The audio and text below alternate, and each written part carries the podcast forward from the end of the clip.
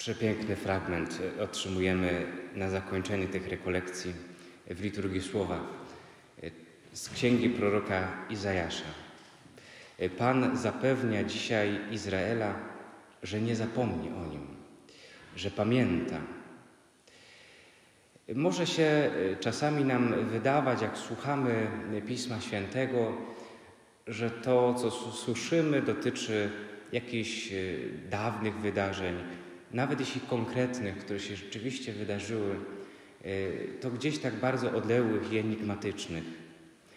Ale trzeba sobie uświadomić, że to, o czym nam mówi Słowo Boga, nie tylko dotyczy historii minionej, ale pozostaje także aktualne. Słowo Boże jest żywe i skuteczne, jak nam powie list do Hebrajczyków.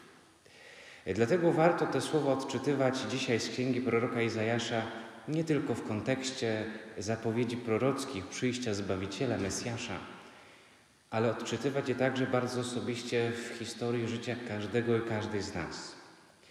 Bo kiedy Pan wypowiada te słowa przez proroka Izajasza, sytuacja Izraela no, jest trudna.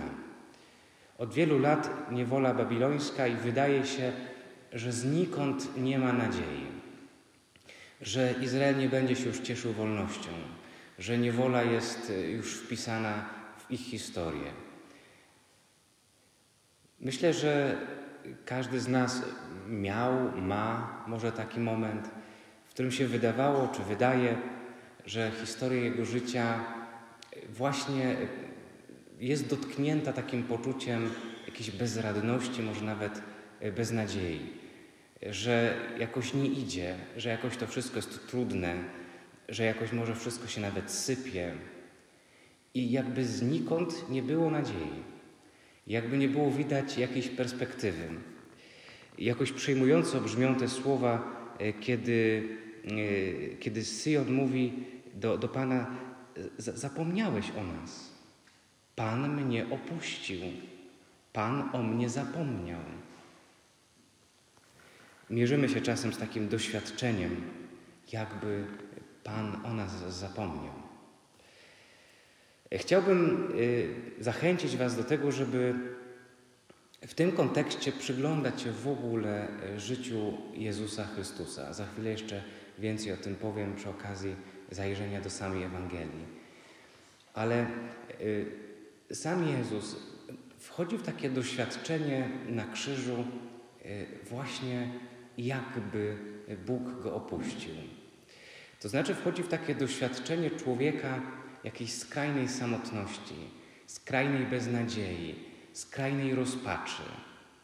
Kiedy on modli się słowami psalmu Boże mój Boże, czemuś mnie opuścił, to nie tyle wątpi w Boga, ale właśnie wyraża to doświadczenie.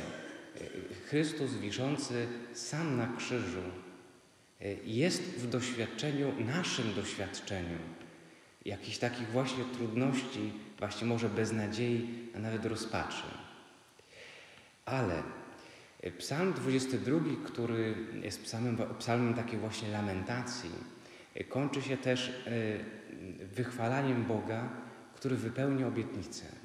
Jest też tam zapowiedź, że ostatecznie to Pan jest tym, który ma ostatnie słowo. I ten lament zamienia się właśnie w pieśń uwielbienia. Y, Chrystus chociaż cierpi, chociaż umiera, chociaż wchodzi w to ludzkie doświadczenie y, opuszczenia, poczucia opuszczenia nawet przez samego Boga, ostatecznie y, pokazuje nam jakieś światło nadziei, nawet z tego krzyża. Bo wie przecież, że za trzy dni powróci do życia, zmartwychwstanie i że ostatnie słowo nie będzie należało do śmierci, ale do życia. Ostatnie słowo nie będzie należało do cierpienia, ale do radości. Dzisiaj zresztą prorok Izajasz dokładnie to samo zapowiada. On zapowiada, że przyjdzie moment dla Izraela radości. Nawet y, zachęca do tego. Zabrzmijcie weselem niebiosa, raduj się ziemio, góry wybuchnijcie radosnym okrzykiem, albowiem Pan pocieszył swój lud, zlitował się nad jego biednymi. To jest y, w ogóle przesłanie Ewangelii. W jakiejkolwiek byśmy nie byli sytuacji życiowej, ostatecznie przeznaczeniem człowieka jest radość. Pan stworzył człowieka do szczęścia i chce jego szczęścia. To dlatego Chrystus przychodzi nas odkupić. To dlatego przywdziewa, e, czy przywdziewa, staje się człowiekiem, bierze nasze człowieczeństwo. Właśnie po to, e, żeby, żeby nam pokazać, jak być człowiekiem. Po to, żebyśmy ostatecznie osiągnęli szczęście. I to szczęście, które nie będzie miało końca, szczęście bez miary, szczęście wieczne.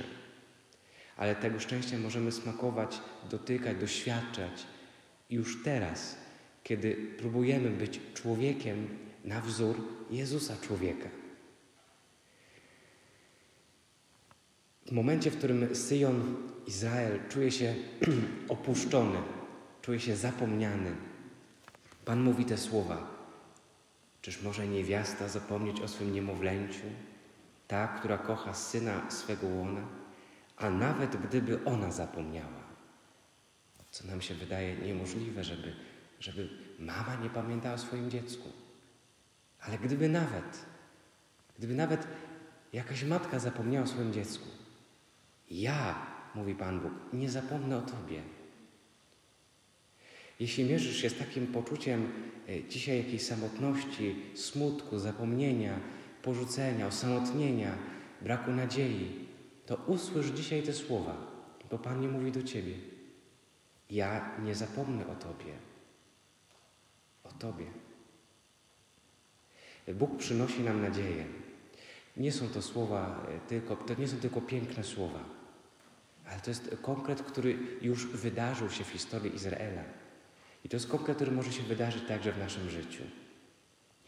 Y, w czasie y, Wigilii Paschalnej będziemy czytali fragmenty Księgi Wyjścia, kiedy Izrael wędrował przez pustynię, a Pan go prowadził.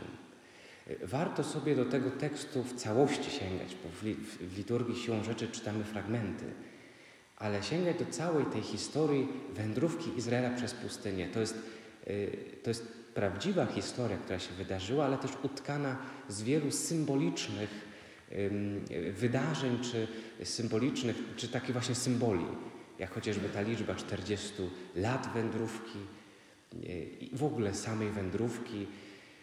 To jest tak naprawdę obraz naszego życia. Ta wędrówka Izraela z niewoli ku wolności, ku krainie, która wiedzie przez trudności, która wiedzie także e, przez momenty zwątpienia. Izrael na tej drodze wielokrotnie wątpi. A kiedy Mojżesz idzie na górę i rozmawia z Panem, i przedłuża się ta rozmowa, tak przynajmniej odczuwa Izrael, to zaczynają sobie złotego cielca lepić. Zaczynają czcić cielca zamiast Boga. I historia właśnie Izraela wędrującego przez pustynię to jest nasza historia. I w tej historii widzimy jak Pan Bóg pomimo wszystko ciągle daje odpowiedź temu ludowi: Jestem, jestem, ja Cię prowadzę. Nie pozwól zwątpić w to. Kiedy jest szemranie, kiedy jest głód, to Pan karmi. To Pan sprawia, że woda się pojawia, że wody się rozdzielają, mogą przejść suchą stopą przez morze. Pan cały czas działa, a Izrael ciągle jakby zapomina o tym i ciągle się skupia na swoim nieszczęściu. Warto tę historię czytać, także tą dzisiejszą historię z księgi proroka Izajasza, ale przede wszystkim słyszeć te słowa, w których Pan zapewnia nas: Nie zapomnę o Tobie, nie zapomnę. Ja o Tobie pamiętam, Ty jesteś dla mnie ważny. Ja chcę Cię przez życie przeprowadzić.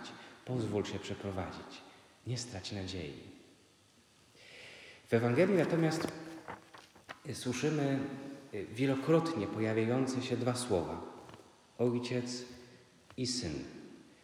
W tym trudnym w sumie tekście, takim już też bardzo teologicznym, to, co jest najistotniejsze, to, to żeby dostrzec więź pomiędzy Jezusem a Ojcem, a Bogiem. Jezus jest prawdziwym człowiekiem i prawdziwym Bogiem ma w sobie te dwie natury, ludzką i boską, dwie wole, ludzką i boską. Wpatrujemy się w Niego właśnie w tej Jego ludzkiej naturze, w Jego ludzkiej woli, bo możemy się w ten sposób przyglądać i patrzeć, jak powinno też wyglądać nasze ludzkie życie, nasza ludzka wola. Chrystus mówi dzisiaj, nie szukam własnej woli. To znaczy, mówi, nie szukam w swoim życiu ludzkiej woli, ale woli tego, który mnie posłał.